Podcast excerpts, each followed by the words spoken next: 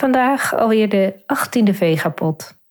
18 is een mooi getal, want 1 en 8 is 9, 2 keer 9 is 18. Het is vol met negens en toch ook weer niet. 8 is bijna 9, 8 plus 1 is 9. Ik uh, maak er een potje van. En dat is de Vegapot te voeten uit. Een potje. Een potje die is opengegaan. Een potje vol met ideeën, met keuzes. Een potje die geprobeerd heeft om verbinding te leggen met geuren en kleuren. Ja, vooral met een gevoel hoop ik dat we het samen moeten doen en dat we elkaar kunnen helpen. Ervaringen gedeeld kunnen worden. En ik heb dat met jou proberen te doen en ik heb daar ontzettend leuke reacties op gekregen. Daar wil ik je allereerst enorm voor bedanken. Het heeft echt mijn leven verrijkt om dit te zenden, zeg maar. Om dit de wereld, het universum in te slingeren. Ja, daar ben ik dankbaar voor. Voor de mensen die hieruit iets opgevangen hebben. En ik hoop dat hun leven daardoor ietsje lichter is geworden. En de keuzes ietsje makkelijker geworden zijn. Dat je iets hebt kunnen ontdekken waardoor je verder kunt kijken en verder vooruit kunt denken. Je dus ja, vooral geen dode dieren meer eet. Of minder eet. Dat was natuurlijk ook wel het idee hierachter. Maar dat was niet de echte missie die ik hiermee had met die vegapot. Het was meer zoiets van: hey, is het mogelijk om zoiets te doen zonder daar veel ambitie bij te hebben, zonder daar heel veel tijd in te stoppen, zonder daar eigenlijk voorop al enorme verwachtingen bij te hebben het heeft mij verrast en ik hoop dat ik jou ook verrast heb door hier en daar wat te zeggen wat jou geraakt heeft of wat jou op een idee heeft gebracht. Vandaag gaan we het hebben over geboorte en over afronding. Dat zijn de twee thema's van deze vegapot. Welkom bij de vegapot. Geen dode dieren op je bord. Mijn naam is Foekje en ik vertel je wat een leven lang vega eten mij heeft opgeleverd en gekost zodat jij lekker makkelijk en heerlijk gezond je eigen keuzes kunt maken. Je hoort waar je op moet letten als jij geen vlees of vis meer op tafel wilt zetten.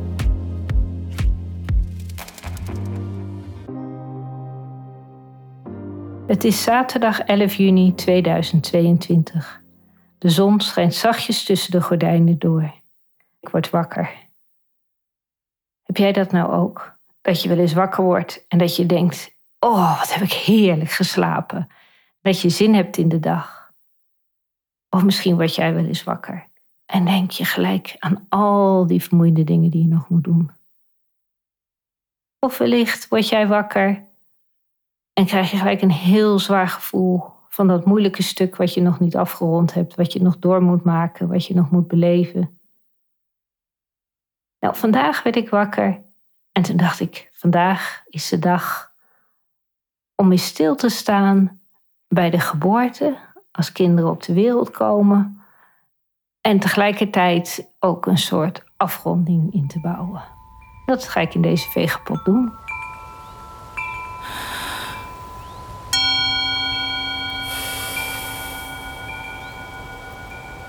Een baby die komt natuurlijk op de wereld zonder dat hij daar al te veel aan kan doen hoe die wereld eruit ziet. Wij kunnen dingen kiezen, wij kunnen dingen creëren, wij kunnen emoties plaatsen, we kunnen als we volwassen zijn goede keuzes maken. Maar een baby die is aan het lot overgelaten en zijn vader en moeder beslissen, meestal dan, over wat hij te eten krijgt. Of hij borstvoeding krijgt of flesvoeding. Of dat hij een warm bedje krijgt of een iets koeler bedje.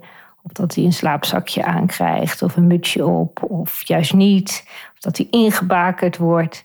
Het zijn allemaal keuzes die een vader en een moeder gewoon moeten maken als dat kind op de wereld is. Dat zijn niet altijd makkelijke keuzes. Ik ben enorm blij dat ik Marjan de Jong heb ontmoet. Marjan die is als geen ander enorm betrokken bij de kraamtijd van jonge moeders. En ook oudere moeders natuurlijk. Maar moeders die net bevallen zijn bedoel ik met jonge moeders. Wat zij doet is dat zij al tijdens de week van de zwangerschap advies geeft over wat je wel of niet het beste kunt eten. Het gaat natuurlijk over eten in deze vegapot. Maar ook na de geboorte. En zeker als je borstvoeding geeft, dan maakt het dus enorm uit op wat je wel en niet eet, hoe die darmpjes van die kinderen, van die kleine baby zich ontwikkelen.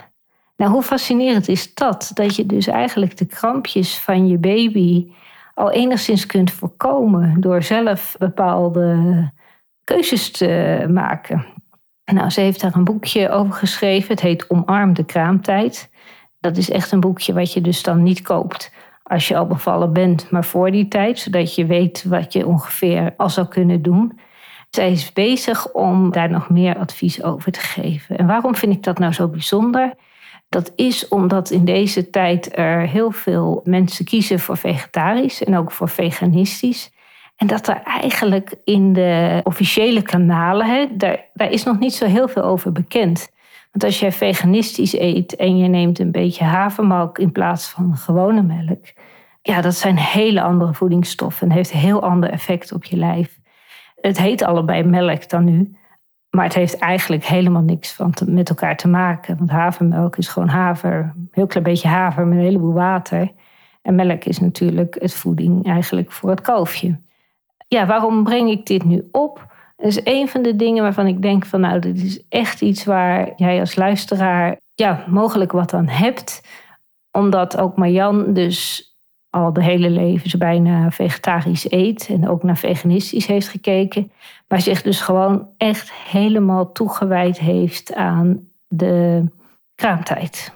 Daarbij heeft ze allerlei westerse ideeën, maar ook uit het oosten, zeg maar.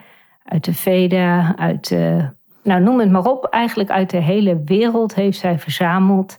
Zij is nog niet klaar om dat allemaal zo uh, aan jullie te geven, van jou te geven. Maar zij heeft wel al een boekje geschreven en ze is bezig om de rest uh, op papier te krijgen. Of in ieder geval in een online cursus. Maar dat is dus iets waarvan ik echt denk van nou, dat is een mooi vervolg om deze verdieping die ik ook even heb proberen te geven in deze 18 afleveringen door te zetten. Dat ik jou dat meegeef. Dat, ja, zo zijn er nog meer mensen. Uh, Marjolein Beetse, die heeft een uh, energieke vrouwenacademie. Nou, ik heb haar nog nooit ontmoet. Ik ben ook niet naar de academie geweest. Maar ze heeft zulke verfrissende e-mails die zij schrijft. Dus als je op haar nieuwsbrief abonneert, nou, zoek het maar eventjes op.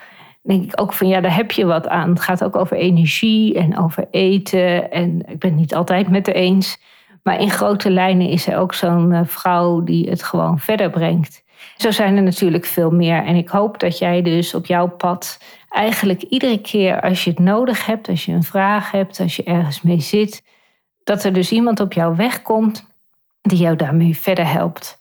Of ja, dat jij iets voor een ander doorgeeft. En dat brengt me weer eigenlijk bij de buurvrouw waar ik het eerder al over had. Laatst was ik op de yoga en daar ben ik net mee begonnen, rugyoga. Ik vind het heel fascinerend en heel erg leuk. Er zat een vrouw naast mij en ik mopperde een beetje dat ik geen handdoek meegenomen had, want je ligt natuurlijk op zo'n matje. Dat matje, ja, daar hebben al heel veel mensen gebruik van gemaakt. En het is dan een beetje warm en lig je met je neus in die mat. En dacht ik van, oh, ik had eigenlijk een handdoekje mee moeten nemen. En zij zei, nou, wat ik doe, is ik zorg dat voor alles wat ik ga doen, heb ik een tas bij me. Of die heb ik klaarstaan in mijn huis, in mijn kast. En dat is een tas voor de yoga. En een tas voor als ik ga tuinieren. En een tas voor als ik naar mijn werk moet. En een tas voor als ik nou ja, naar een vriendin ga. En toen dacht ik, ja, eigenlijk is dat wel handig als ik nou gewoon ergens dat neerzet op die manier. Ja, dan zou dat een idee kunnen zijn. Geen idee of ik het echt ga doen.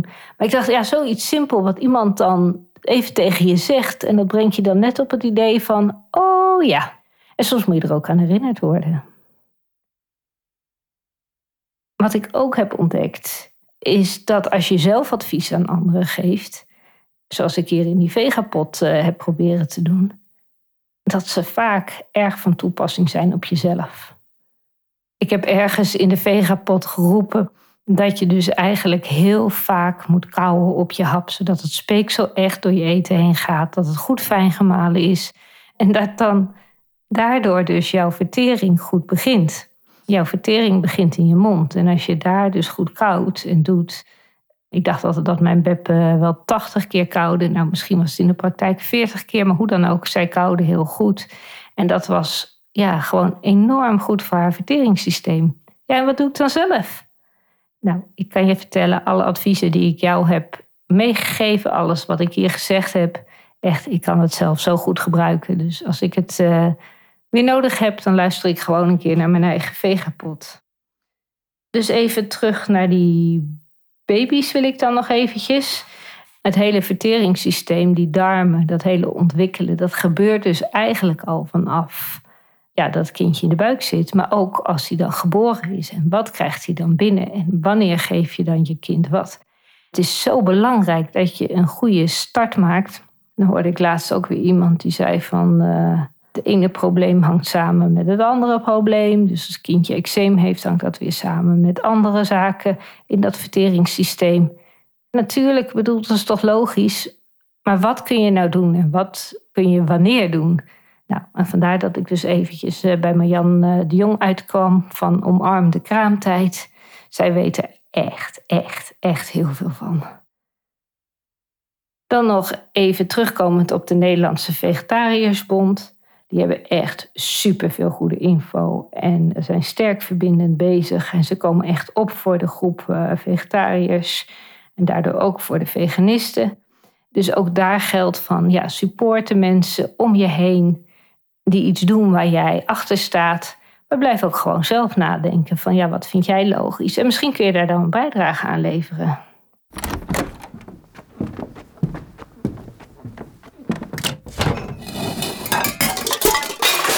Potjandikkie.